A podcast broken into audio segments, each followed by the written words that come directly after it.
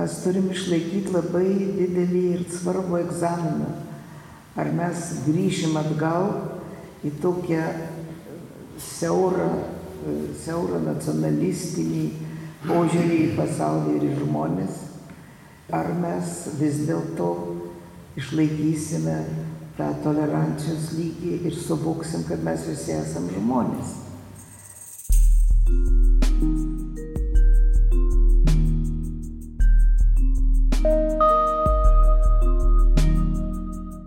Sveiki, Naila klausytojai, čia Karolis iš Nanuk. Linkėjimai iš Kauno, kur dabar esu trumpam apsistojęs.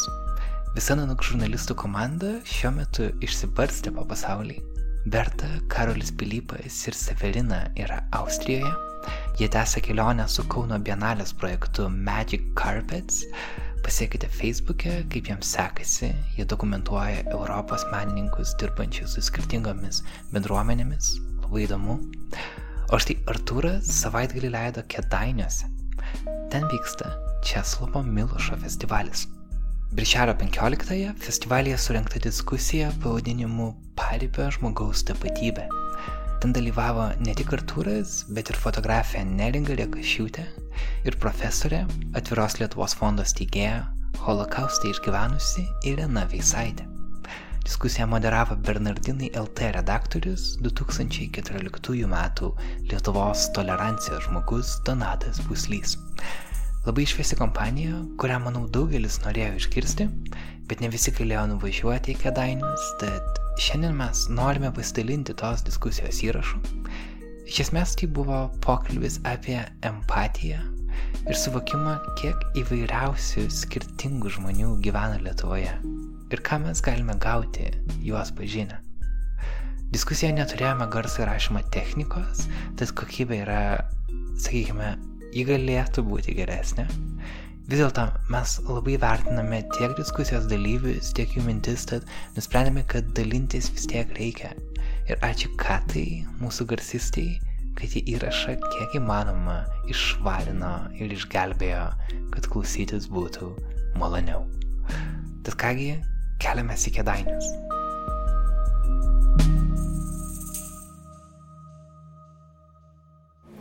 Laikas greit bėga, jau šiandieną prieš paskutinį, prieš paskutinį dieną festivalio ir du renginiai. Pirmasis tai yra diskusija apie paribio žmogaus tapatybę, kurioje dalyvauja profesorė Irena Vysaitė,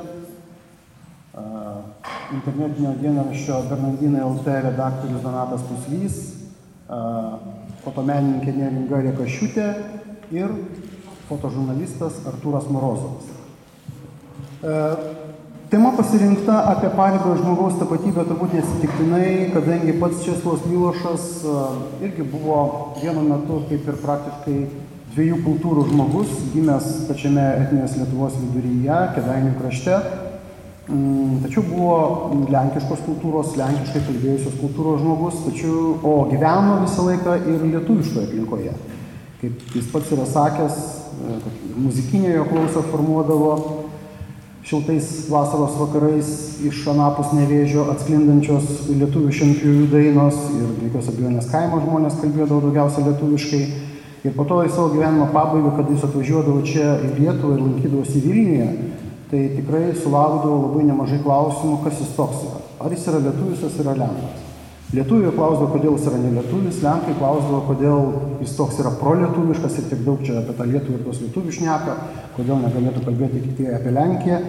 Ir netgi gyvenimo pabaigą yra sakęs, kad daugiau aš čia nebetvažiuosiu, nes mane vargina tie visi klausimai ir, ir, ir noras, žodžiu, nu, noras sutapatinti jį su tik tai viena, viena tauta, viena kultūra. Taigi, perdodu žodį mūsų šios dienos prelegentams, turbūt tęsti ir plėtoti šią diskusiją. Prašau, Donatai. Ačiū, Dimantai, už pristatymą. E, džiaugiuosi čia būdamas, iš tikrųjų, kai galvojame apie tai, kokią temą dėrėtų panarplioti, čia kedainiuose šešių tautų, šešių turgaus aikščių ar ne, ir šešių konfesijų mieste. Na, fantastiška. Tai iš karto vienintelė mintis, kuri ir kilo, yra paribio žmogus. Paribio žmogus, e, kodėl? Dėl to, kad e, jau, na, Krasnogrūdoje, kitoje su Česlovu Milošu susijusioje e, vietoje veikia paribio centras, kuris teikia ir paribio žmogaus apdovanojimą, tai yra na, žmogaus, kuris daugiausiai nusipelno uh, tarp kultūriniam bendradarbiavimui, kuris geba na, savyje derinti skirtingas tapatybės, o ne supriešinti, kuris geba eiti per sieną, na, ištiesti ranką, mėgsti dialogus ir E, Kedainiai, man atrodo, savo istorija jau yra ta vieta, kurioje e, reikia apie tai kalbėti ir ne tik reikia apie tai kalbėti, bet, na, svajonė būtų galbūt ir tokį centrą turėti, kaip kad turi Krasnogrūda, čia kažkur ar ne, Lietuvos viduryje. Kita vertus, Antras dalykas, kai aš pradėjau galvoti apie paribio žmogų, man iš karto lietuvių, lietuvių kalboje tas žodis įgyja dar daugiau prasmių negu, nu, kad Lenkų ar ne, pograničia, na, kas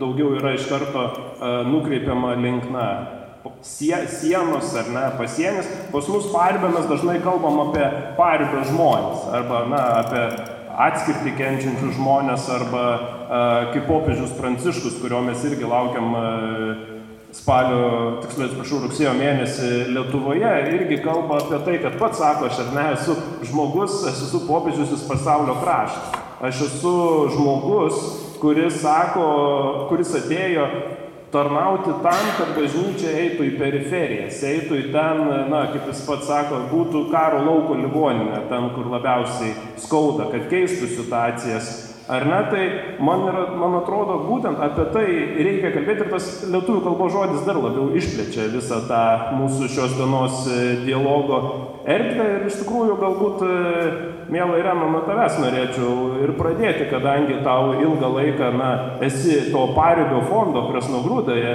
bičiulė, matei jų kūrimasi, e, dalyvavai esminiuose jų renginiuose, šventėse, užsiemimuose, ar ne, tai e, Kasgi yra tas paribio žmogus, e, kas yra ta paribio žmogaus tapatybė, kuri, aš klausiu ne, dėl, ne tik dėl to, kad matei, kas ten vyksta, bet dėl to, kad aš nebejoju, kad ir tau ta tapatybė yra be galo artima ir aš tave, jeigu man reikėtų tą šlovės galeriją paribio žmonių sudaryti, tikrai įrašyčiau, ar ne, kaip na žmogų, kuris būtent yra dialogo centre, tam voratinklyje, tokiam tankiam plačiame, kuris geba mėgsti įspūdingus ryšius tarp e, valstybių, tarp kultūrų, tarp religijų. Tai.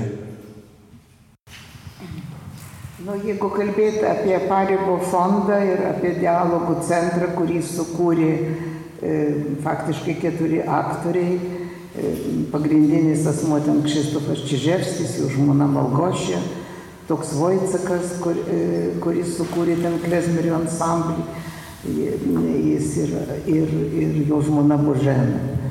Ir jie,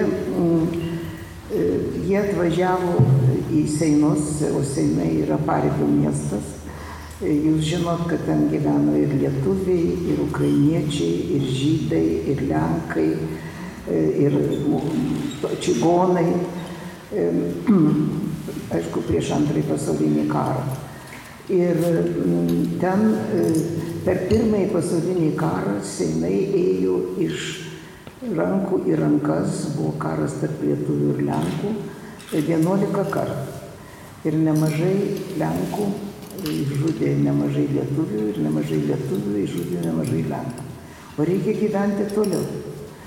E, žydų, aišku, neliko.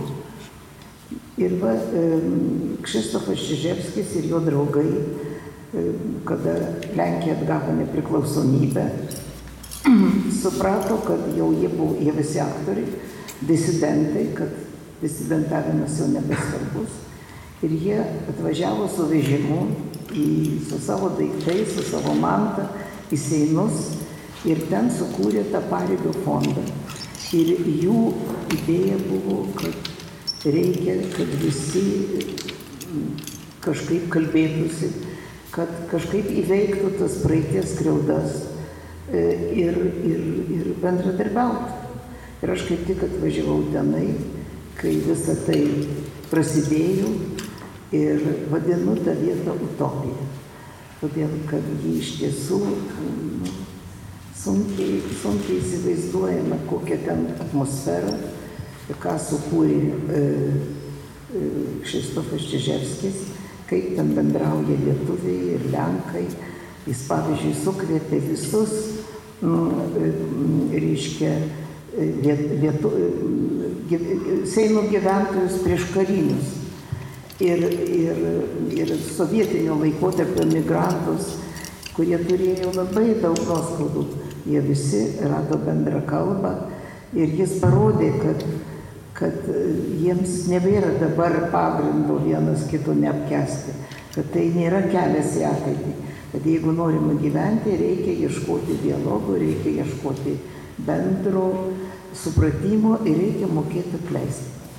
Tai nežinau, e, ir, ir ta vieta, dabar tas paribio fondas, jis yra išgarsėjęs ir dialogo centras yra tarptautinis ir jie, jie e, toliau vysto e, ir seka Česlovo Milošo dvasia.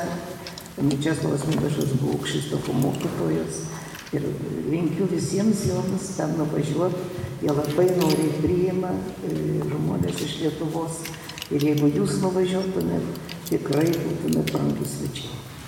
E, Irena, gražų linkėjimą jums išsakė, tenai nuvažiuoti, man ten teko ne kartą būti, bet esminė mintis, kurią aš visada nešiosiuosi su savimi, ką Kšištofas kažkada pasakė per vieną iš pokalbių, sako, Aš galvoju, kad pasaulio centras yra kažkur didel, didelė sostinė. Sako, pasaulio centras, vat, sako, kaip sako, žydų patarlė yra ten, kur esame mes. Tai sako, vat, dabar sveikas atvykęs į pasaulio centrą, kuris yra krasnogrūda, ne vienas namas didelis stovi. Aš noriu pasakyti, kad aš ten buvau tokioje konferencijoje ir ten Michnikas pasakė, žinot, kas yra Michnikas turbūt jisai gazetą Viborčia redaktorius ir jis pasakė, mes eisime į Europą iš Seimų. E, tai va, tai aš tą progą, na, galima įvairiai eiti, ar ne, į Europą, galima eiti iš Seimų, galima eiti, na, nežinau, per kedainius, a, m, man neringa eina per iš Visagino dabar, ar ne, ir irgi, iš tikrųjų, man labai įdomu, E, kadangi, na, tavo paskutinioji paroda, ypač apie Visaginą, apie jo žmonių skirtingas tapatybės, yra labai socialiai angažuota, e, skleidžianti labai tokią, na, irgi dialogišką žinę apie, na, skirtingų žmonių gražų sugyvenimą. Ir man labai įdomu apskritai, kaip įvyksta tas posūkis, ar ne, nes tarsi aš irgi įsivaizduoju, na, kažkada kaip panevežį, kokioje 11-12 klasėje stovėdavau ir galvoju, išvažiuosiu į didelį miestą, kur veda gyvenimas, bus faina. Ir aš žiūriu į tave, jauną, talentingą fotografiją, kur atrodo, ar ne, na, kreido turėtų taip būti, nu, palanga, ar ne, ten e, Vilnius, Londonas, nežinau, New Yorkas kažkur ir tada, bam, visaginas. Kaip čia įvyko? Sveiki. Um, tai taip, aš irgi esu iš provincijos, mažo miestelio ir visada įsivaizdavau, kad ta kryvė ir eina taip kyla į viršų. Ir labai norėjau į Vilnių, tada ir Vilnius pasidarė per mažas, norėjau į Londoną, nuvažiavau į Londoną, tenai baigiau fotografijos bakalaurą. Ir iš tikrųjų labai greitai supratau, kad būti dideliame mieste turi irgi labai tokį savo negatyvų lauką, tai yra labai daug skubėjimo, labai trukinėjantys socialiniai ryšiai, atomizuota visuomenė, labai mažai bendro, bendromeniškumo, nes tarkim net su geriausiais draugais būdavo sunku susitikti, tai kurie sakydavo, aš turėsiu laiko ten už dviejų savaičių ketvirtadienį pusę trijų ir pusę valandos galim susitikti. Tai iš tikrųjų didelio mieste yra tokia vat, jaunų žmonių vizija, kad tenai daryti karjerą, tenai pasiekti kažką, bet iš tikrųjų tenai atvykęs ir aš sutinku vis daugiau tokių žmonių, kurie nusivilia labai tuo gyvenimu, nes jis tave padaro tokį labai vienišą ir tu tada pradedi ieškoti to ryšio, kurio tikrai daug daugiau yra mažose miestelėse E, tu pradedi jo e, ieškoti, nežinau, alkoholyje, kažkokiose substancijose, nes jo labai trūksta. Tai man irgi labai trūko to, aš grįžau dėl to į Lietuvą, nes jaučiau, kad čia esu daug labiau reikalinga negu Londone. Londone aš galėjau tik tai jau įeiti į kažkokią, kažkokį kelią, kuris jau yra ir tiesiog tenai dar kažką daryti, aš taip jaučiausi, kad revoliucijų kažkokių, kažkokių tenai nesukelsi, o labai norėjosi kurti, kurti nuo pradžių, kurti drąsiai ir jaučiau, kad Lietuvai to labai reikia, kad čia yra labai daug nišų, apie ką dar galima kalbėti. Ir iš tiesų, kai grįžau, tai ir pradėjau kalbėti čia apie e, moterų teisės, sukūriau feministinį judėjimą, tokį pirmą Lietuvoje iš tikrųjų kuris labiau įėjo į tą tokį bendrą, į viešą diskursą. Ir, na, nors jauni žmonės, tai jau tikrai jie ir, ir seka, ir kalba, bet kažkaip gal nebuvo tokių vieš, viešesnių žmonių tokių platformų, kur būtų galima dalintis tom idėjom. Nes jauni žmonės seka ten anglų kažkokius kanalus, rusų, bet Lietuvoje to kažkaip nebuvo. Tai va, ir pagyvenusi Vilniuje aš susipažinau su savo draugu Arturu Morozovu, kuris kaip tik tuo metu buvo atradęs Visaginą ir gal dvi savaitės tenai apsistojęs labai laikinai. Ir aš nuvažiavau į Visaginą su būtent tokiu požiūriu, kad ten bus toks apleistas, visiškai uh, toks kažkiek net zombiškas miestas, kur įsivaizdavau, kad uždarė tą atominę ir, ir ten visi išvažiavo ir nieko neliko. Ir galiausiai aš susidūriau tiesiog su tuo, kad mes visi turim tokius stereotipus ir pradedi galvoti, iš kur mes juos turim.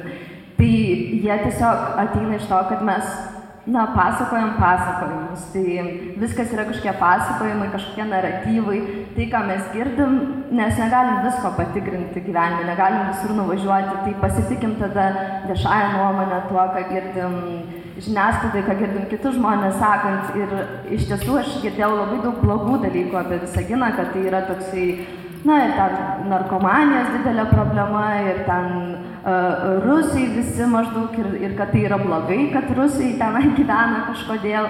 Tai man jis ir buvo toks visiškai svetimas, nepažintas miestas ir atvažiavau į jį tokios egzotikos apimta, bet tada turbūt tai ir buvo labai gerai, nes tai padėjo sugriauti tai ir pamatyti, kad jeigu aš, kuri laikau ten save visai išsilavinusią, ten mokiausi politikos mokslus ir visai turėčiau kažkaip nepasiduoti tiem stereotipam, bet taip lengvai jam pasiduodu, tai pamačiau didelę prasme tenai ir įsikurti ir netgi tyrinėti tą miestą ir tiesiog žiūrėti, ką galima, kokius bendrus taškus išvesti vietoj to, kad ieškoti skirčių ir ten galvoti, kad tie žmonės yra kažkokie kitokie.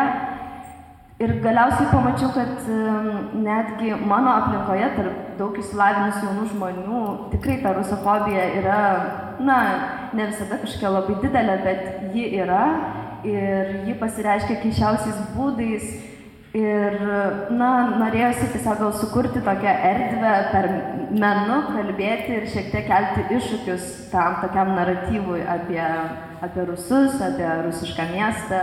Tai ta paroda ir gimė kaip toksai bandymas tai padaryti ir iš tikrųjų tai buvo, man atrodo, labai sėkmingas tas bandymas, nes daug žmonių atvažiavo iš įvairių Lietuvos miestų ir sakė, kad pirmą kartą atvažiavo Visaginą na, dėl tos parodos, bet aš padariau būtent viską taip, kad ta paroda būtų tik tai kaip, na, dalis visko, o iš tikrųjų tu turi atvykti į miestą ir tada turi eiti per įvairias vietas ir susipažinti su miestiečiais. Tai buvo galima mokytis irkluoti pas vietinius irkluotojus, buvo galima susipažinti su menų rezidencijos e, žmonėm, ten menininkais vietiniais buvo galima eiti į atominę simulaciją, kur tau atomininkai tikrai pasakojo, kaip, vat, jeigu tau reikėtų dabar išjungti atominę, tai čia būtų krizė ir kaip jūs visi tai ten darytumėt. Tai iš, iš esmės, man atrodo, tai ir buvo, kad jeigu aš būčiau Vilniui pristačius tą parodą, tai būtų, na, visi atėjo, pasižiūrėjo, gal ir, ir išgeria šampaną ir išėjo, o dabar visi atvažiavo į tą miestą, tikrai turėjo susidurti su tais žmonėmis ir šiek tiek taip tiesiai į akis pasižiūrėti tiem savo stereotipam. Ačiū neringa. Aš kažkada visą gimę esu 200 metrų bėgimo rekordą savo pagerinęs. Ne, neatsimenu, nes jau autobusą teko po futbolo rungtynių bėgti, nes, nes susipykom, ten dvi komandas žaisdamas. tai tada pagerinau, nes gau, daug gaudančių buvo. Bet čia toks, žiūrint atgal, labai geras atsiminimas, iš tikrųjų po to daug kartų dar grįžau, tik jau nebe futbolo reikalais.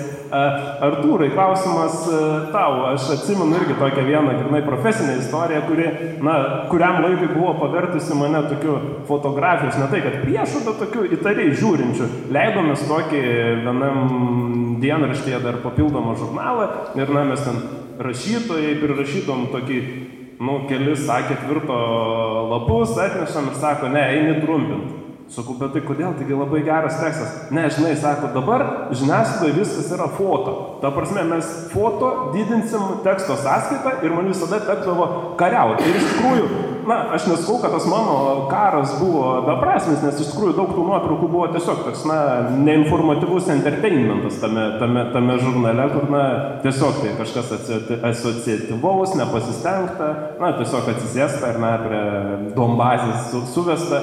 Bet iš tikrųjų tavo fotografijos e, yra, na, e, visiškai kitoks pavyzdys, kuris priverčia susidraugauti su fotografija ir joje išvysti visai kitus dalykus. Tai galbūt e, pirmas klausimas tau būtų, nes aš du turiu, bet iš po vieną galbūt reikia pradėti. Tai kaip apskritai atėjai į tą socialinę fotografiją, ar ne? Ir šiuo atveju vėlgi tave ir, ir pristavėme kaip fotožurnalistą, tai vadinasi ne tik fotografą, kuris, ar ne, ateina paspaudžia mygtuką, nufotografuoja, atiduoda kažkam medžiagą ir nu po to jau nebežinia, kas ten iliustruos, neiliustruos, bet tu esi na, tas kaip nuo idėjos iki išpildymo. Tai koks tavo kelias ir kas tau yra ta socialinė fotografija? Sveiki. Tai atsakant klausimą, socialinė fotografija, šiaip fotožurnalizmas tai yra, jeigu dar papildyti tavo apibrėžimą, tokį apibūdinimą to, tai yra ta pati fotografija, bet yra vadovavimas tam tikrais principais. Kuo fotožurnalistas skiriasi nuo tiesiog žmogaus fotoaparatu, tai kad tu fiksuoji realybę. Tu, tu ne tik fiksuoji, bet tu tyri tam tikrus reiškinius, naujienas, įvykius. Ir labai svarbus yra dalykas tai, kad tu nerežisuoji, tu neši atsakomybę, savo vardu, pavardę, už tai, kad tai, ką tu matai, yra tikra, tai, ką tu aprašai prie fotografijos yra tikra. Ir tai atrodytų galbūt de, smulkios detalės, kol neįvyksta kažkokios politinės krizės ir kiekviena nuotrauka tampa didžiulės propagandos, propagandos objektu, kuri geba pradėti sukilimus dėl tam tikrus sukeltų emocijų, žmonės būrėsi, pradeda kažko reikalauti ir gali privesti visiškai prie tragiškų dalykų. Tai, tai ta fotografija yra labai, labai, labai svarbu ir labai svarbu tas sekti instrukcijas, tai tuo jinai skiriasi nuo tiesiog fotografijos. O mano susidomėjimas ta socialinė fotografija, nežinau, turbūt viena vertus tai turbūt nuo jaunystės, paauglystės, tiksliau gal besidomint, vartant nacionalinės geografijos žurnalus, kurie yra etalonas visiškai dokumentikos. Ir, ir aišku, tas spėliojimas, kaip tas fotografas atsidūrė tokios neįtikėtinose vietose ir maža to, kad jis ten atsidūrė, jis dargi sugebėjo nuspausti mygtuką ir parvežti visus kadrus.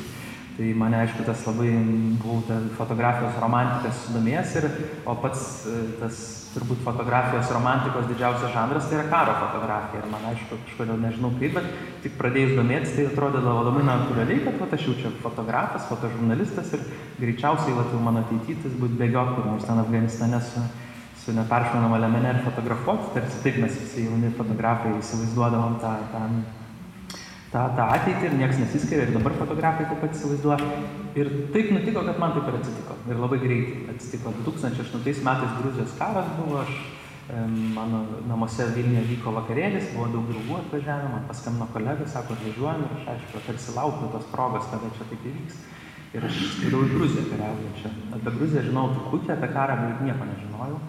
Ir, ir aišku, save prisiskaitęs visų tų istorijų, save laikiau be baimių fotografu taip pat, nebijančiu kraujo, pasiruošęs pilnai nuotikiam. Ir atsimenu, kaip jau Tbilisi pradėjo artėti rusų tankai, Tbilisi dingo šviesa, interneto ryšys, telefono ryšys.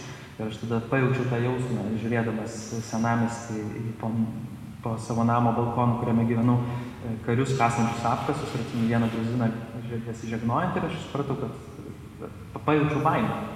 Ir, ir ir turbūt ta patirtis mane nuvedė į didžiulį domėjimąsi ir smalsumą ir savęs pažinimą, aišku.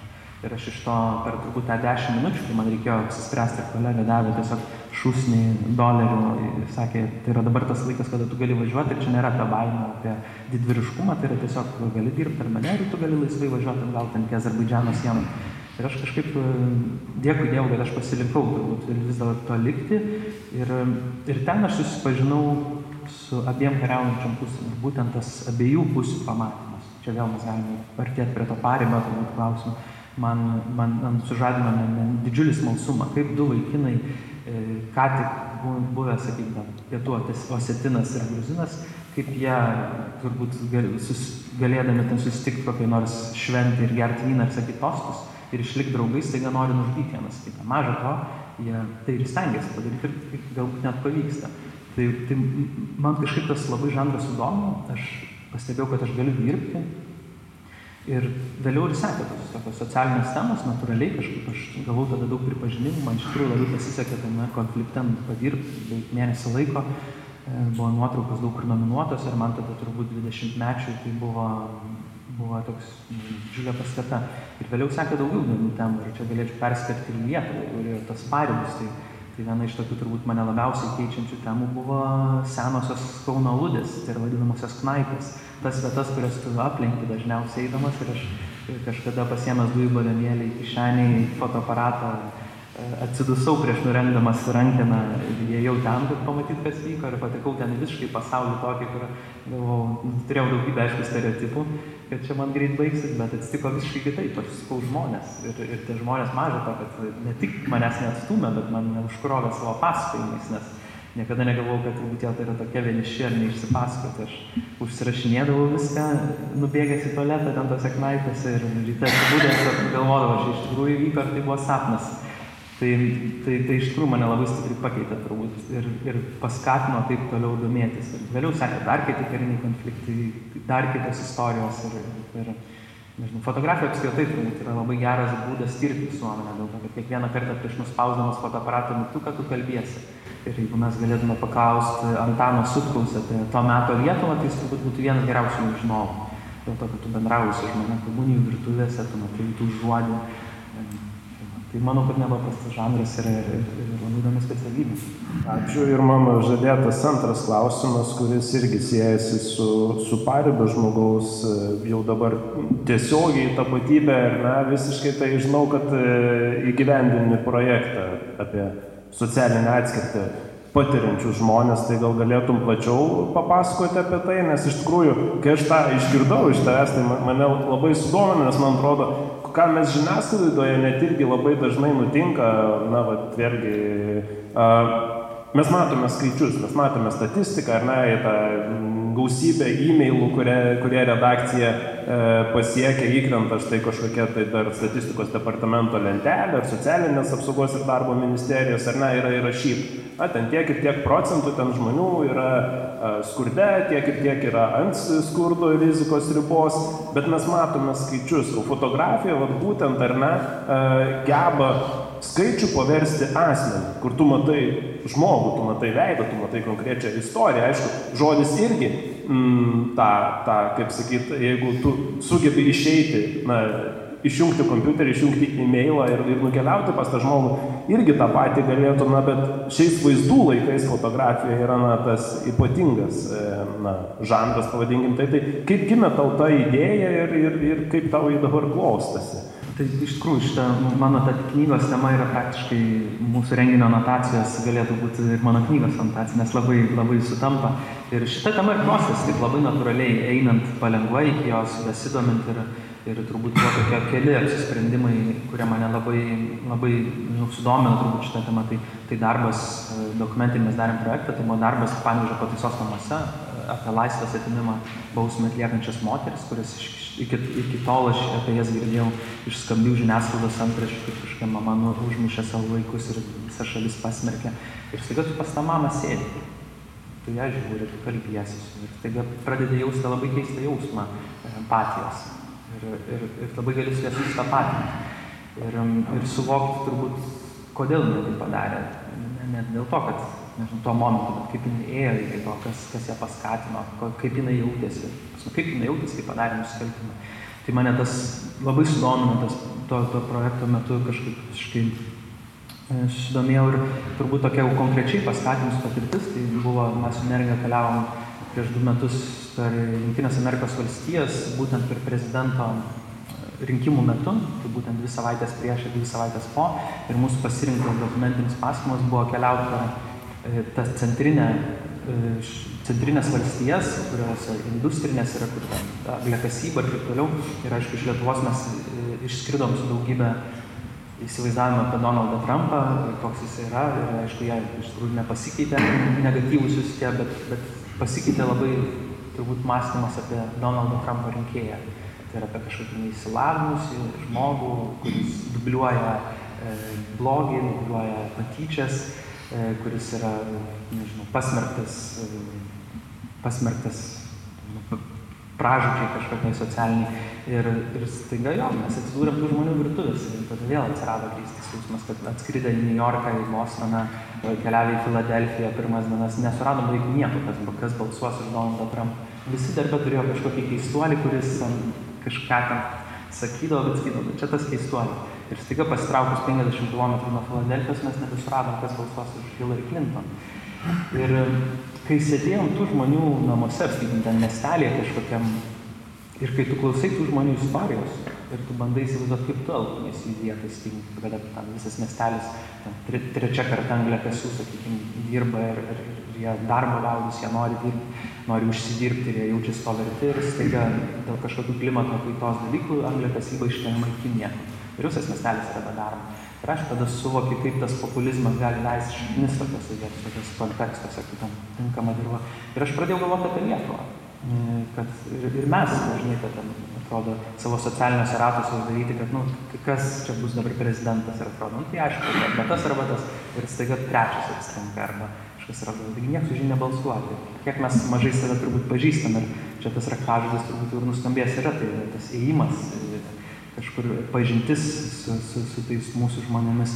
Ir tai paskatino domėtis tais žmonėmis, keliauti pas žmonės, kurie gyvena labai sudėtingai, kurie galbūt nepristaikė prie pakitusių santvarkų, kurie, kurie nu, ta pati pramonė pasitraukė, liko, liko pradėjo gyventi skurdo kultūroje, skurdo tradicija, kuri perdodama iš kartos į kartą, pašalpų visą, sakykime, vaikai irgi mokami.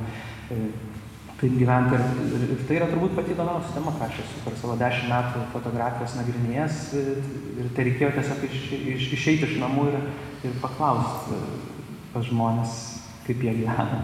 Tai, tai taip, šitą temą kažkaip būtent yra apie socialinę atskirtį, yra pažintis vieni turbūt su kitais, apie žmonės, kurie visiškai neturi vilties, taip kaip turbūt mes didmešių gyventojai neturime empatijos, negebam įsiklausyti ir labai lengvai galim pasmerkti. Ir, ir turbūt per šitą vat, kelis mėnesius, kuriuos dirbu su šitą temą, turbūt suvokiau, kas mane taip išgazino, tai yra mūsų visų atsakomybė, kaip mes visi susiję, kaip, kaip prieš tave sėdi 60 metų vyras, kuris 5 metus gyvena savo pirtyje kaimo vagis, sakykime, ten ir kaip mokykloje patyčios kažkokios ten girtaujančio tėčio nemailė ir vėliau mokyklos patyčios e, kaip adatos susmeigtos į akupunktūriškai taip į tinkamas vietas, jam visą gyvenimą nubrėžė liniją ir jisai sėdi 60 metų ir jis net nesuvokia, kad jis gali keistis, net nesuvokia, kad jis kažką gali dirbti, nes yra toksai, kokį mes visuomenę sukonstravom. Ačiū Artūrai ir kadangi na, pats užsiminė, ar ne, kad e, šitas, šita diskusija yra tarsi na, tavo knygos anotacija, tai aš tikiuosi, kad mes dar grįšime į kėdainius, gal iš to pačiu sąstatu tos knygos ir pristatyti. Čia organizuoju į priekį.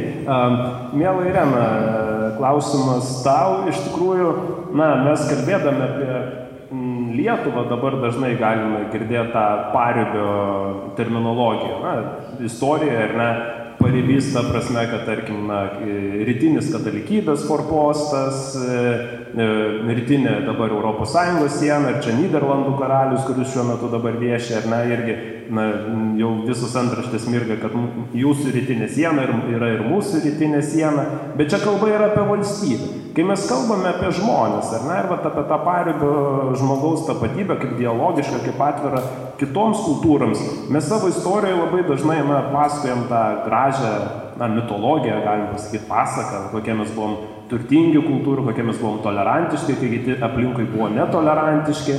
Uh, kokia situacija tavo matymu yra dabar ir iš tikrųjų, na, kadangi jau tikrai turi na, didžiulę patirtį, kaip jinai kinta. Tai tų paribio žmonių daugėja pas mus tokių, kurie, na, e, ne, nu, nepriešinta, ne? nes mes dažnai dabar, pavyzdžiui, kaip pavyzdys girdime tokį dalyką, ar ne? Tai dabar būti europiečiu ar būti lietuviu. Nu, man atrodo, tai savaime įdingas klausimas, nes tai neprieštarauja vienas kitam. Nes čia tas klausimas iš karto užprogramuoja, a, tai jeigu tu daugiau europietis, vadinasi mažiau lietuvis. Bet, o jeigu jau nori būti daugiau lietuvis, tai turi užsidaryti ir nusaugot, kad jau tik tai nedaug dėvė tą Europą iš, neužpūstų tavo ten kažkokios unikalios lepsnelės, ar ne? Tai kokią situaciją matai? Vilties ar kitokią gal? Na, jūsgi žinot, kad viltis miršta paskutinė. Nors turiu pasakyti, kad e, optimizmas kartais blėsta nes aš niekad negalvojau, kad mes grįšime į tokią situaciją ir Europoje, bet Lietuvoje ji yra e, grėsminga, ji ateina, bet ji dar nėra įsigalėjusi pilnai, bet gali įsigalėti. E, tai e, kol kas pas mus geriau, pavyzdžiui, negu Lenkijoje arba Vengrijoje, bet grėsmė yra. Ir yra, mm, man labai sunku e, iš viso suvokti, kodėl visa tai vyksta, kadangi mm, mes, mes visi esam, kas mus jungia, visus žmonės, paribių, visus žmonės, kad mes esam žmonės visų pirma. Ir mes turim bendrus egzistencinius interesus, mes norim išgyventi Ir mes tą galim daryti tik per kažkokį savitarpio supratimą, per toleranciją. O taip, kartais aš taip, žinot, pagalvoju, kad mes arba dauguma mūsų dar yra gentinės santvarkos lygiai. Kas buvo gentinė santvarka? Gentis viena nekenti kitos, nors jos buvo vienodos. Žudė vieną kitą e, ir, ir, ir, ir jokios ten tolerancijos nebuvo buvo keršto e, filosofija, keršto mentalitetas. Paskui atsirado e, krikščionybė. Aš labai trumpai noriu atsakyti, čia galima labai daug kalbėti. Atsirado krikščionybė, kuri skelbia artimo meilę. Ir mes visi esame krikščionys. Ir mes krikščionys, mes dainuojam, kad mes klystantys žmonės, maldaujam malonės, kad mums labai svarbi artimo meilė bet mes jos neparodom gyvenime.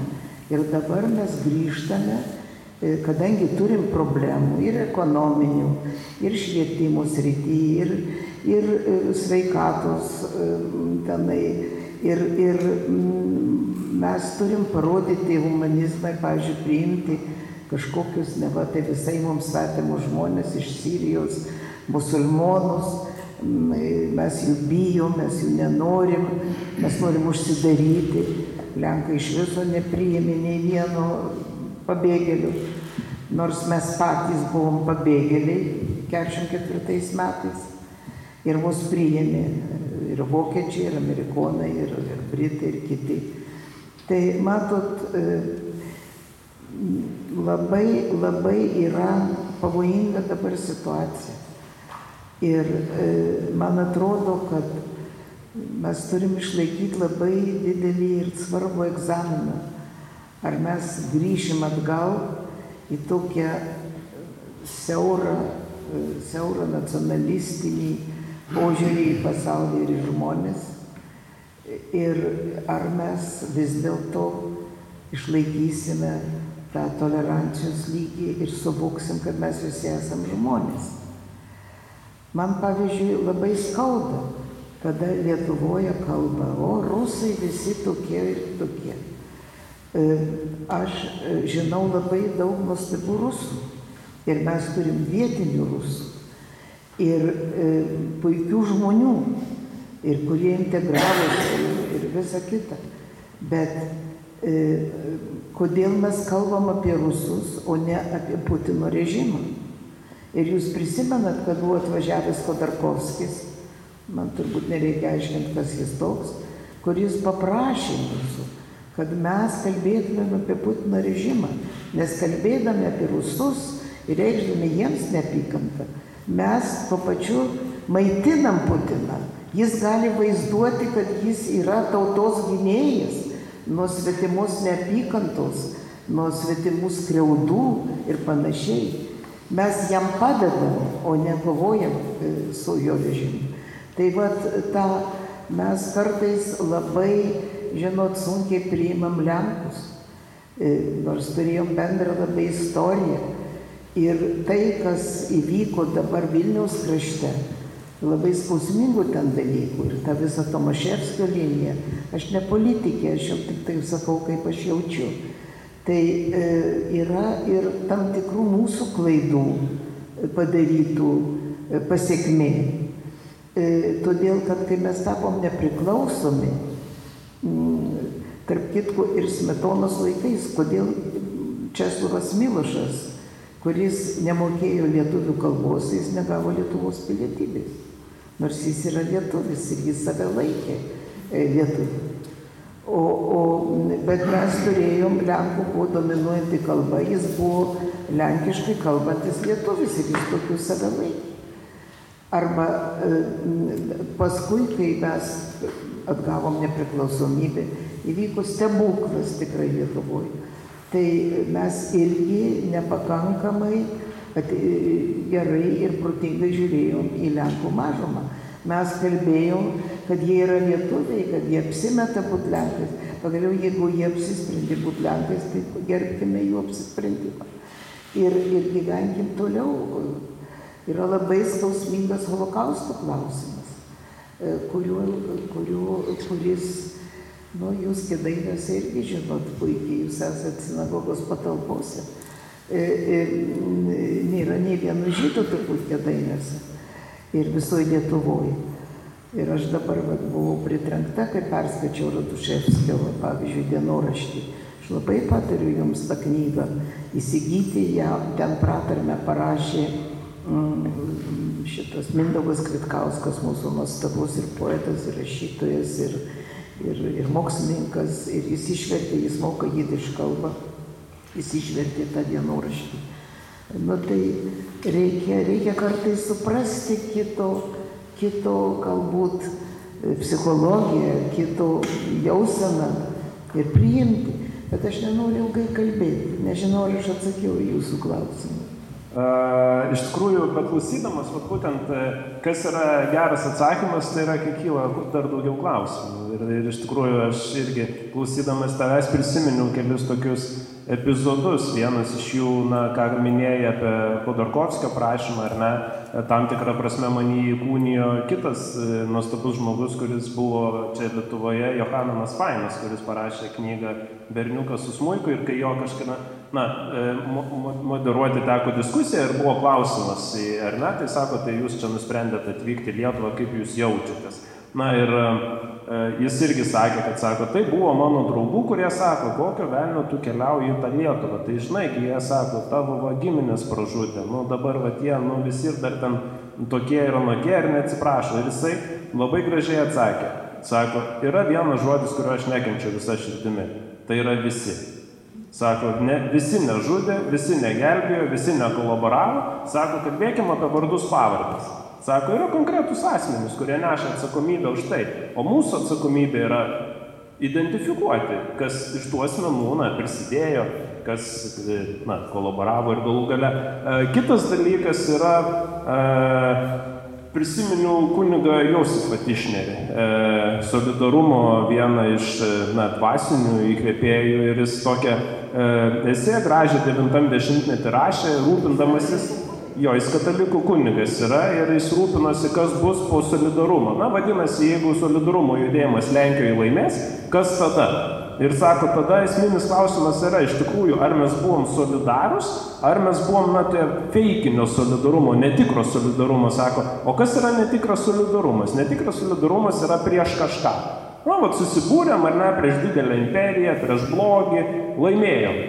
Nu, kas tada perkasim jau dabar vieni kitiems, nu, nes vėl naujo priešo reikės, kad susiburtume partijom ar dar kažkaip. Tai jis ir pasakė, sako, e, tikras solidarumas gali būti tik vardan kažko. Na ir jis ten citavo e, gerojo samariečio istoriją, ar ne, apie tai, kad mes patys pasirinkam solidarumas ar sustoti prie to kenčiančio ir numesto šalikeliai, ar pro jį praeiti. Va tai čia yra, arba mes solidarus, arba mes nesolidarus. Va, ir tada, kalbant apie tą feikinį solidarumą, tą netikrąjį, ar ne, čia jau šiek tiek e, tokio humoro, man atrodo, Vengrijoje, ar kur, e, bet vienoje iš vidurio Europos šalių, e, gal ir Lenkijoje net sako, buvo toks rinkiminiai kampanijai paleidę, na, tokį antiklipą, kur, buvo parašyta, sako, iš, išvysti ateivį pas mus yra didesnė tikimybė nei pabėgėlis, sako, bet vis tiek pabėgėlių visi bijo labiau. Nors ateiviai gali, sako, nusileisti jau rytoj. tai juokas juokais, bet iš tikrųjų galbūt nerenka ir tau klausimas, ar ne, pavyzdžiui, Irena kalbėjo irgi apie tai, kad dažnai yra tiesiog, mes žmogaus nematėm, mes net nežinom, net nepabandėm su juo pabendrauti, bet mes jau jo bijom, viskas, yra stereotipai ir, pavyzdžiui, vat, su musulmonais, ar ne, aš jeigu gerai prisimenu, darė ir fotografijų parodą apie moteris musulmonės. Ir aš taip įsivaizduoju, na ta fotografija vis tiek nėra, ateini, nufotografuoji, tu su juom bendrauji, tu su juo jas pažįsti, galų gale, na tas kadras irgi yra tos pažinties vaisius. Tai ką tau davė, pavyzdžiui, šis konkrečiai fotoprojektas ir, nu, vad būtent, ar, ar, ar iš tikrųjų yra ko bijoti, ar nu mes, vat, prisidarom tų baimių tam, kad va, taptume tokie solidarūs savo baimėse ir tada, na, tarsi kova. Turim dėl ko, ar ne, kam priešintis, prieš ką kovoti. Tai dabar šiandien, man atrodo, kaip tik prasideda Ed, Ed Mubarak, tai baigėsi Ramadanas, tai čia yra labai didelė šventė, galima vėl grįžti į normalų e, gyvenimą musulmonams. Tai būtent prieš gal kokius keturis metus tokiu metu, kai baigėsi Ramadanas, aš atsidūriau Nemėžyje ir ten yra mečetė ir vyko islamo būtent šitą šventę.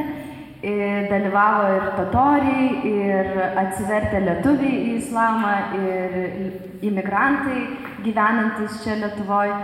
Ir aš tenai atvažiavau su tokia mintim, kad aš tiesiog norėjau susipažinti su totoriais gyvenančiais Lietuvoje, nes dariau praktiką universitete ir galvojau daryti tokią kaip foto istoriją tiesiog apie totorius. Bet aš tada pamačiau tą didelę bendruomenę, kuri visiškai neegzistavo mano galvoje, aš niekur jų nemačiau, jie yra labai nereprezentuojami, labai nematomi ir labai įdomus man pasirodė. Ir tiesiog taip natūraliai, būdama tenai, aš susipažinau su keliom musulmonėm, egiptietėm ir draugystė su jom ir pradėjo mano tą kelionę tokią gilesnę į, į islamą Lietuvoje. Tai iš tikrųjų kurioziškų kartais situacijų nutinka, kai pagalvoju apie islamą, mūsų baimės, Lietuvą, žmonių tokį nežinojimą. Tai viena mano uh, herojė, Viktorija, jinai atsivertus yra lietuvė į, į islamą ištekėjus iš musulmono, mokėsi e, medicinos, e, e, medicinos fakultete ir jinai sakė, kad beveik kasdien jinai galėdavo suprasti, ką rodė prieš tai dieną per panoramą, nes iš to, kaip žmonės atroleibuse reaguodavo į jos hijabą. Tada kit, būtent tos seserys, dvi egiptietės irgi pasakoja visokių kuriozų, kuriozų, jos yra būtent na, islamo religijoje yra labai svarbu padėti kitiems, labai svarbu e, šelbti žmonės, atiduoti, e, dalintis ir, ir jos visada taip ir elgesi, kažkaip labai stengiasi padėti žmonėms ten įlipti į autobusą, tai sako, kai bando tai padaryti, visi net, na, traukiasi kuo toliau nuo jų. Arba viena Ala, jinai važiavo troleibuse ir vežėsi balionėlį, buvo jos gimtadienis ir balionėlis, balionėlis sprogo. tai žmonės sakė, taip nuščiuvo, staiga ir išsigando. Tai jos tikrai turi labai kurioziškų istorijų, arba kaip nuėjo į Maksimą ir klausė, gal pusę metų pirko dešreles ir tenai klausė pardavėjos, ar tikrai nėra keulienos ir sako, tikrai, tikrai nėra ir po pusės metų sužinojo, kad yra ten tos keulienos, draugė pasakė, kai buvo kartu. Tai čia viskas ir toksai gal ir tiesiog paprasčiausias neišsilavinimas, nežinojimas, kai kurios situacijos labai kurioziškos. Aš irgi tik pradėjusi fotografuoti iš karto ten mečetį, dengdavausi galvą su skara ir jinai ten man krisdavo, aš bandau fotografuoti ir jie sako, o ką tu čia darai, tai tu atsipalaiduok, tai neturi čia kažkaip tapti ar būti, mes jaučiam, kad tu gerbi ir tau užtenka. Tai labai įdomu, kad tą parodą aš atidariau dvi dienos prieš e, įvykstant Paryžiaus teroro įvykiam. Ir tada aš gal supratau, kokia jinai buvo savo laikė ir kokia svarbi. Ir dar kai važiavau su taksi ir vežiau darbus į, į UNESCO galeriją, kažkaip įsipasakojau, atrodo labai šviesam, išsilavinusiam uh, vairuotojui apie tai, ką aš čia darau, kokia čia ta paroda, kokie tie mano herojai. Ir jau išlip, išlipant jis man sako, nu tai žiūrėk atsargiai, kad čia jų neprivistų. Ir aš tada supratau, kad privistų, ta prasme, tas žodis reiškia tokią dehumanizaciją. Ir tas žodis yra visada vartojamas tuomet, kai, na, tai yra pirmas ženklas, kad mes turim didelę problemą, nes tai buvo dehumanizuojami žydai, tai buvo dehum, dehumanizuojami tucijai, gen, e, Ruandos genocide ir tai iš tikrųjų mane labai ir aš supratau, kaip tai yra svarbu. Bet e, pati paroda, iš esmės, jinai buvo tokia labai, um, labai stipri emociškai, nes aš nenorėjau pati kalbėti ten apie, apie savo patirtis, norėjau tik trumpai pasidalinti ir aš pakviečiau savo herojus kalbėti. Tai kalbėjo ir Tatoriai, kalbėjo ir egiptietė Esra, kalbėjo ir um, Amira, kurios tėtis yra libanietis, mama lietuvė ir jie labai graži šeima. Po to jau po tos parodos apie ją pasirodė straipsnių ten panelė žurnale, kas aš pagalvojau, kad labai toksai geras e, ženklas, jog mes jau gal labiau priemam, norim sužinoti, susipažinti. Tai tie žmonės, kai kalbėjo, buvo labai daug žmonių susirinkę ir aš mačiau, kad vyko diskusija, vyko toks, toks labai šiltas bendravimas ir e, tie stereotipai nežinau, jie gal geriausiai ir su jais galima kovoti tada, kai tu susipažįsti su tai žmonėm, nes nėra jokio kito kelio, kaip tik tai tą kitą, kurį tu nori ir renkiesi. Mes renkamės, visą laiką renkamės, ar bijoti, ar nekesti, ar šalintis kažkaip, ar pabandyti susipažinti ir priimti. Tai mane gal tas fotografinis malsumas e, visada ir vedė susipažinti ir, na, net nežinau, ką ir pasakyti apie tą parodą daugiau, bet ji, na, tikrai atskleidė, kad mūsų visuomenė net ne tai, gal, kad kiek jinai nemėgsta, nekenčia, nors dabar po tų Paryžiaus ypač teroro įvykių buvo pakilę imigrantai ir musulmonai ten į pirmą jau lentelės vietą, prie kokių žmonių lietuviai nenorėtų gyventi, nenorėtų dalintis kaiminystę. Tai tas priešiškumas tikrai yra, bet man atrodo, labiausiai ko trūksta, tai reprezentacijos. Ir tiesiog objektyvios reprezentacijos, nes musulmonai yra reprezentuojami labai negatyviai, tai reikia suvesti žodį musulmonas į Delfį paieškos laukelį ir išmesti tiek baisių straipsnių apie terorizmą, apie vagiamus vaikus, apie na, viską, tik tai ne kažkokius normalius, objektyvius e, straipsnius. Tai man atrodo, ta paroda buvo toks ir bandymas šiek tiek reflektuoti tą tikrąją situaciją, gal kaip tie žmonės jie gyvena, su mumis jie gyvena šalia mūsų, e, bet jie yra nematomi, labiau negu kad nekenčiami, net jie yra nematomi. Aš norėjau neringą paklausti. E, e, vis dėlto negalima neikti, kad yra labai daug skirtumų. Ir pavyzdžiui, aš ilgą laiką, pabusdama kartais iš ryto galvoju, Dieve, Dieve, ačiū Dievui, kad manęs nesutvėrė musulmonė nes man nepatinka moters padėtis tenai. Ir čia kyla klausimas, e, vis dėlto aš pavyzdžiui, e, nu, tai yra problema. Jeigu mes turim, pavyzdžiui, gyventi, mes turime, va čia ir yra to paribio žmogaus man atrodo, taip aš nežinau, kaip jūs pasakysit, bet tai yra ir paribio žmogaus pavyzdys ir uždavinys surasti kažkokius sugyvenimo būdus, kažkokią toleranciją. Aš pažįstu tokį palestinietį, kuris yra krikščionis. Jis gyvena Kanadoje. Ir jis man papasakojo, kad jis labai turi draugą gerą Richardą Žydą. Ir jis jį pakvietė į savo, taip sakant, e, nu, svečius. Ir tas žydas nieko nevalgė, todėl kad tai nekošerna. Nu, jisai tada kitą kartą jį pakvietė, nupirko indus e, pieniškus, mėsiškus, kaip reikalauja žydų tikėjimas, nupirko košerinį vyną, košerinį maistą ir tas žydas nevalgė. Tai e, kai jis jam įpylė vyno, jis negėrė. Tai jis jo klausė, kodėl? Sako, todėl, kad tu įpylėjai, o tu ne krikščio, o tu ne žydas tavo rankos. Tai, žinot, aš jį pasiuščiau po vilnių, atsiprašau, nes tai labai jau, labai jau, o jisai, va, tikrai, va, čia buvo tolerancija. Jis kitą kartą pakvietė jį vėl, jis labai, jie, jie labai draugavo. E, pakvietė jį, pavaišino ir jis pats savo įsipylė tą vyną ir tada gėrė. Tai vad man čia yra toks kraštutinis tolerancijos pavyzdys. E, ir, ir skirtumai yra. Ir jų neikti nereikia, o reikia galvoti, man atrodo, kad kaip jūs galvojate, juos reikia gerbti, jų nereikia e, tenai niekinti už tai, reikia, tai yra jų papročiai, bet mums tai yra problema. Bet vėlgi islamas yra toks, toks didelis ir yra tiek daug skirtingų jos spalvų ir tiek daug skirtingų situacijų.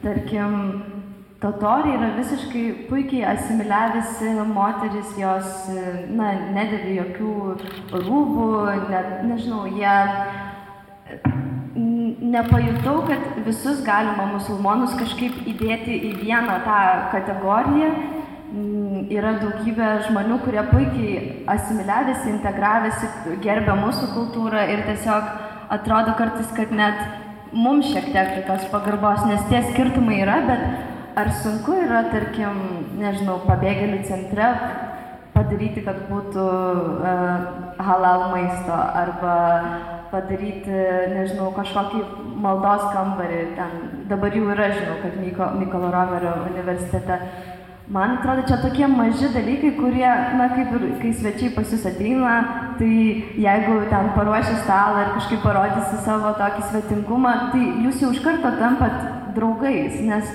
na, atsiranda kažkoks ryšys, jeigu tai nus tokia meilė. Tai, tai kartais reikia tokių labai mažų, smulkių detalių, o dėl moterų teisų islame tai vėlgi Tai yra tiek daug skirtingų šalių, tiek daug skirtingų tų variacijų. Ir aš neseniai lankiausi Irane, mėnesį laiko keliavau ten viena ir dariau istoriją apie moteris Irane. Tai susidūriau su tuo, kad Na, aš labai, nors ir labai domėjausi daug ir skaičiau ir apie iranietės menininkės, aš iš tikrųjų įsikvėpdavau iš tų menininkų, nes jos man rodė, kaip reikia um, kvesionuoti status quo, uh, kažkaip daryti tokias revoliucijas, uh, klausti mane, nebijoti tų sudėtingų temų, uh, akcentuoti moterų teisės.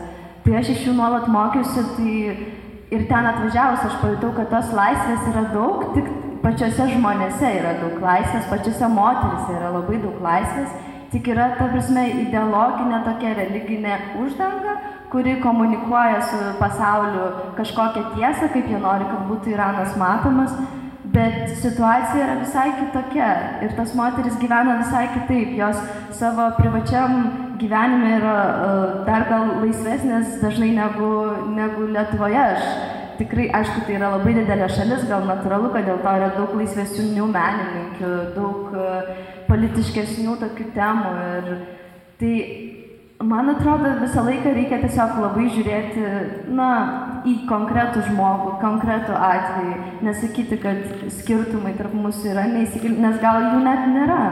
Tai, bet aišku, na, skirtumai yra, bet man atrodo, čia kaip su to svetingumu tiesiog reikia pasidomėti, kaip važiuojant į kitą šalį, gal tiesiog atgerbti kitos šalies tradicijas, papročius ir, ir lygiai taip pat man malonu, kai atvažiuoja į Lietuvą ir gerbė, klausia, domisi mūsų istorija, mūsų papročiais. Tai čia toks natūralus labai žmogiškumas. Ačiū, iš tikrųjų dabar žiūriu jūs, gal turėsite irgi klausimų, komentarų. Tai 40 metų atgal, reiškia, ir man teko dalyvauti panėvežį ten tokiam susibūrime ir pulkininkas pajuostęs vadas jis pasakė tokius žodžius man dar jaunam būnant. Nėra tautos protingos, neprotingos, blogos, neblogos. Yra tik žmonės, blogi ir geri. Tai yra kredo mano apsigyvenimui, kur aš vadovaujuosi. Tačiau iš kitos pusės, iš kitos pusės, e, dabar būdamas taip pačiai Filadelfijoje ar Bostone važiuodamas tramvajui, kada liktai žmonių e, daug ir reikia atsisėsti prie to vadinamo dabar juodaodžio, aš galvoju, gal geriau pastovėsiu. Aš lyg tai irgi bandau sakyti, kad aš lyg tai toks tolerantiškas, geras, bet kažkodėl tai ne visada aš ten noriu atsisėsti. Ir tai čia, o klausimas buvo toksai, reiškia, čia kadangi nesenai buvo tokia, reiškia, e, irgi čia buvo toks samburis, čia vedė tokia apie, apie škotus ir, ir buvo klausimas taip toksai, kad apie religiją. Ir pasakė, man taip įstrigo atminti, kad reiškia škotas, ten kėdansį vieno škotai reiškia buvo tai jisai jeigu religija skirtųsi jis geriau nužudytų škotą bet lietuvį paliktų. Reiškia religija yra svarbiau negu tautybė. Suprantat kaip tai yra? Taip taip religija svarbiau Ir antras klausimas labai trumpas, jei gal ne į temą. Aš vat niekaip nesuprantu, man paaiškiai e, sukūrė ten e, moterų teisės, feministinį judėjimą. Aš dabar galvoju, lai, e, žiūriu per televizorių, moteris uždirba mažiau, ten aš dabar galvoju visą gyvenimą dirbo moteris muziejui, vienodai uždirbo. Vietoj direktorius atės moteris gaus vienodai. E, dirbo vaikų darželį aukti vyras, moteris vienodai. Kur tie skirtumai, kur ta problema išranda? Aš nelabai suprantu, kas yra. Gerai, tai aš gal tą paskutinį. Ai, dar norėčiau pagal, e, nes aš kaip pirmą kartą išvažiavau į Londoną, man buvo 19 metų ir aš irgi nebuvau mačiusi dar jododžio žmogaus iki to laiko, na gyvai. Tai kai pirmą kartą išėjau gatvę, reikėjo paklausti laiko, ir gyvenu rajone, kur buvo daug jėdodžių, aš bijojau paklausti laiko. Bet čia gal tokia natūrali reakcija iš nepažinumo. Nežinau kodėl. Aš tikiuosi, kad jūs ne dėl kažkokio priešiškumo ar kažkokio nusistatymo, bet gal tarsi kartais mes nepažįstam ir dėl to atrodo, o tai kaip čia dabar prieiti, ar čia bus viskas taip, na, iš tokio paprasčiausio nežinojimo. O dėl moterų teisų, oi, čia labai turbūt reikėtų ilgai kalbėti, bet e, tai nėra mano sukurta problema. Galbūt jums tiesiog paklausinėkit moterų, kurios, na, susitinkate kiekvieną dieną, gal jeigu jūs jų paklaustumėt, na, taip nuoširdžiai, jos jums pasakytų e, apie tai, su kuo jos susiduria, bet man atrodo, kad gal, na, reikia tiesiog užduoti tą klausimą ir žmogus tikrai pasidalins, jis pasakys. O tai, kad e, moteris uždirba mažiau net už tą patį darbą, kad jos dažniau yra tarsi, jų darbas net nėra apmokamas dažnai, nes tas darbas, kuris e, yra namuose, jis yra neapmokamas, ar vaikų auginimas jis yra neapmokamas, o kodėl? Tai yra lygiai toks pat darbas, jis yra labai labai svarbus ir kad moteris yra tarsi natūraliai nustumiamas į tas tokias labiau mokytojų, slaugių, muziejininkų profesijas viskas gerai, bet suprantat, fem, feminizmas yra reikalingas net ne vien dėl tų moterų teisų, bet ir dėl vyrų, kad jūs galėtumėt verkti, kad jūs galėtumėt jausti, kad jums būtų leista nesijausti, kad jūs turite ten vairuoti gerą automobilį, parnešti bizoną namo žmonai, kad jūs galėtumėt jaustis tiesiog žmogus su visais jausmais, pilna vertis, jeigu jūs norit šokti baletą, jeigu jūs norit e, dainuoti, ir kad jums niekas nesakytų, kad tai yra nevyriška. Tai čia yra, feminizmas yra iš esmės apie visų mūsų, apie visų mūsų teisės ir gerą savijautą. Tai gal dabar. Aš noriu Jums padėkoti už klausimą, nes Jūs iškėlėt nepaprastai svarbę problemą.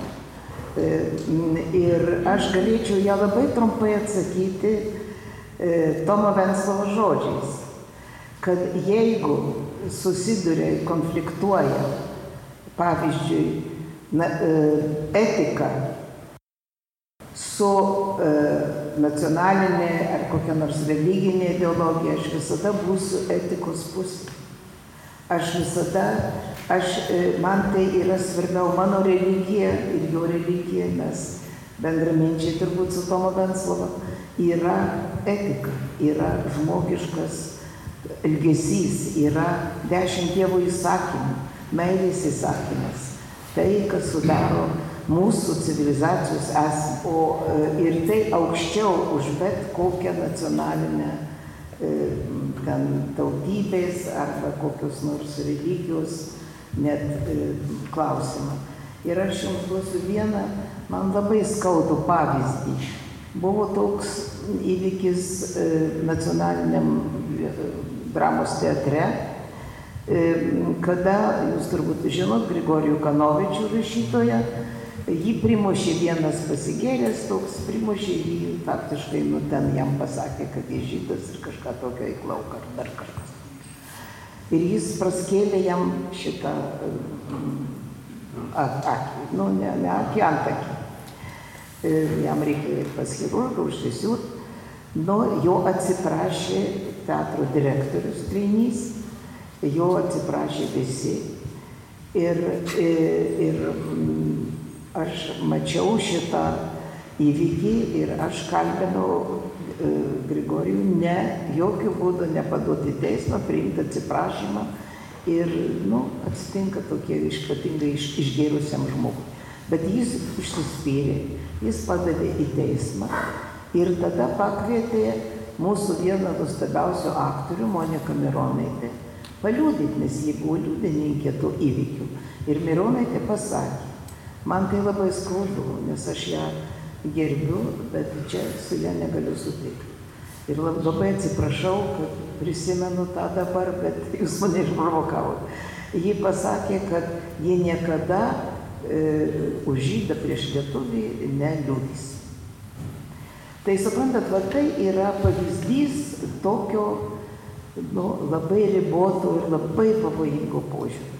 Nu, jūs turbūt pasakiau tą, ką norėjau. Tiesiog pridursiu, man atrodo, kad čia, ką, ką dabar kalbėjai, tą paskutinį pavyzdį, ar ne, tai yra vienas dalykas, kurį mes pamirštam, kalbėdami mes, na, vat, Lietuvoje žiūrim, irgi galim statistiką paimti, sakom, o tiek ir tiek procentų Lenkai, tiek ir tiek procentų Rusai, tiek ir tiek procentų, na, nežinau, Baltarusiai, Gudai, na, ir, ir kitos tautybės. Bet šiaip iš tikrųjų tai yra Lietuvos Lenkai, Lietuvos gudai, Lietuvos žydai ir va čia yra tada, čia nebėra tas ar ne, kad, nu, aš neliūdisiu prieš e, lietuvių ten už žydą. Tai tas ir tas lietuvis yra, ar ne? Na ir iš tikrųjų vėlgi čia, na, kažkada dabar atsimenu uh, pasą reikėjo skubiai darytis ir na yra tas klausimas, sako, tai tautybė įdėta ar neįdėta? Sakau, ne, ne, aš žinau savo tautybę, man nereikia jos susirašyti, bet pilietybė yra įrašyta. Ir čia yra esminis dalykas. Mes esam, ir čia tada aš Rabiną Saksą prisimenu, kuris sako, kas, kas, yra, kas yra pilietybė arba kas yra priklausomas bendruomeniai. Tai yra dalyvavimas bendro namo statybose, sako, tai vat, mes tą namą statom ir kiekvienas kažką. Ir kaip tik, sako, jis apie, apie skirtumus labai gražiai rašė, sako, žiūrėk, labai faina, sako, kad skirtingi žmonės yra vienas stogą moka uždengti, kitas grindis įrengti, trečias, sako, langus įstato, jeigu visi mokėtų langus įstatyti, sako, tai tada namo nebūtų, arba tik tai langai stovėtų padėti kažkur ir visi sėdėtų ir žiūrėtų į tos langus.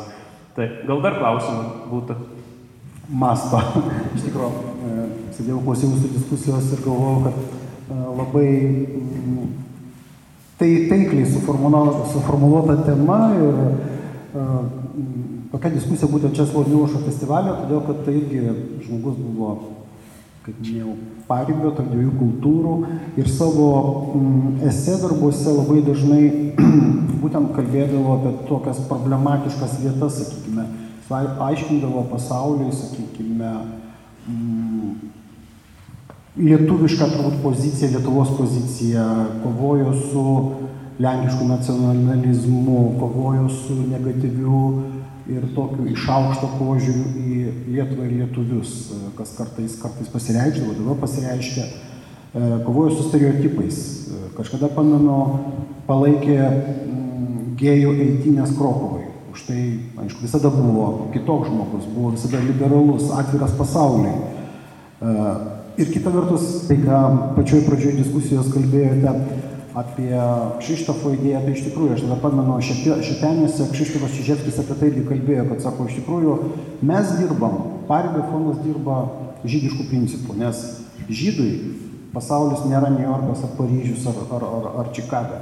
Žydui jo tas miestelis, jo tas šteklas, kuriame gali būti keli šimtai žmonių, kur yra jo sinagoga, kur yra jo, jo Dievas ir jis kūrė tą pasaulio centrą ten, e, toj vietoj. Ir tai yra svarbiausia. Iš tikrųjų ir Milošo, aš manau, jis irgi, juk, sakykime, jo pasaulio centras buvo, sakykime, Šedenį, e, buvo Krasnogrūda, Ir e, pamenu, kai buvo Milošo šimtmetis ir jo draugas iš, iš Krokuvos leidyklos Znak vadovas Ježai Ilgas pasidalino tokiu prisiminimu, kad vieną kartą, kada Česlavas Milošas gyveno dar Amerikoje, Ilgas aplankė jį Grizzly Peak miestelėje ir sako, aš atvažiavau, sakau, tu esi laimės kūdikis, nes gyveni tokioje gražioje vietoje, čia tokie, tokios sekluojos auga, tokia gamta.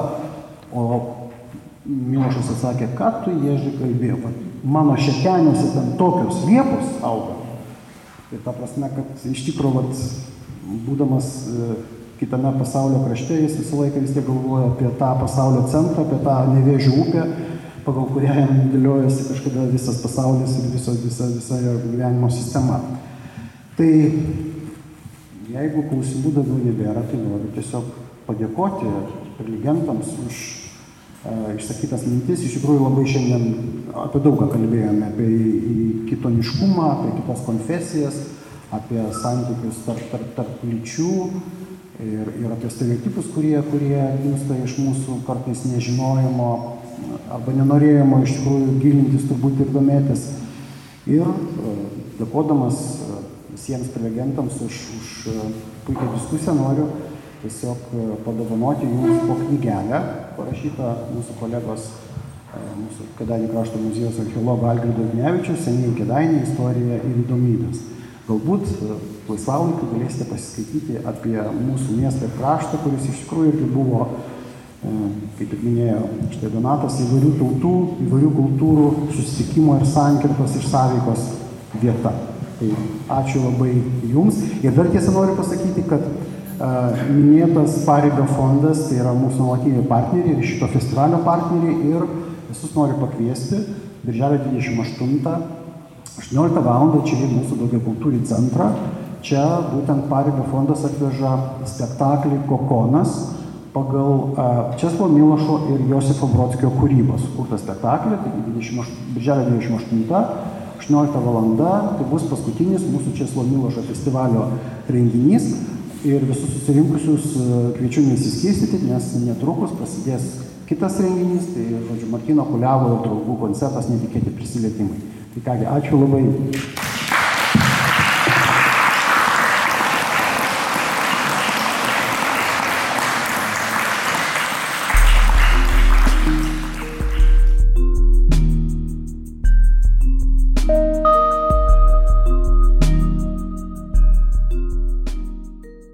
Toks yra Nailo podcast'o epizodas šiandien.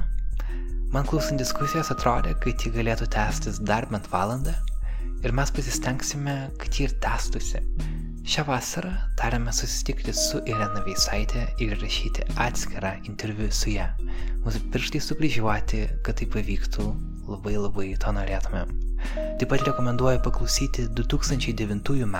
Veisaitės interviu su Leonidu Donskiu. Jėdu susitiko jo laidoje Be pykčio. Ten jie taip pat kalbėjo apie tai, ką reiškia būti žmogumi turinčiu kelias tapatybės. Mes pridėjome nuorodą į tą interviu prie įrašo tinklalapyje Nile.lt greta šios diskusijos. Labai traukiantis pokalbis, tikrai rekomenduoju jį iškirsti. Ir žinoma, ačiū mūsų šios savaitės Patreon rėmėjams Vita Ličytė, Paulius Grinsikas ir Eglė Samuhovaitė. Jie visi prisidėjo prie podcast'o kūrybos finansiškai. Ačiū jiems. Prisiekite ir jūs, jeigu norite palaikyti nepriklausomą lietuvišką žurnalistiką ir taip pat gauti nanuk dovanas. patreon.com slash nanuk multimedia. Toks yra kampanijos adresas. Dėkui Česlovo Milošo festivaliui už šią diskusiją. Dėkui Donatui Pusliui už suorganizavimą įrašo ir ačiū Jums, kad esate kartu. Kitą savaitę jau grįšime į Nanuk studiją. Nailo podcast'o garso režisierė yra Kata Bitoft, muzikos autorius yra Martinas Gailius, podcast'o vedžiau ir redagavau aš Karolis Višnauskas. Linkiu mėgautis vasarą ir savo skirtingomis tapatybėmis. Iki.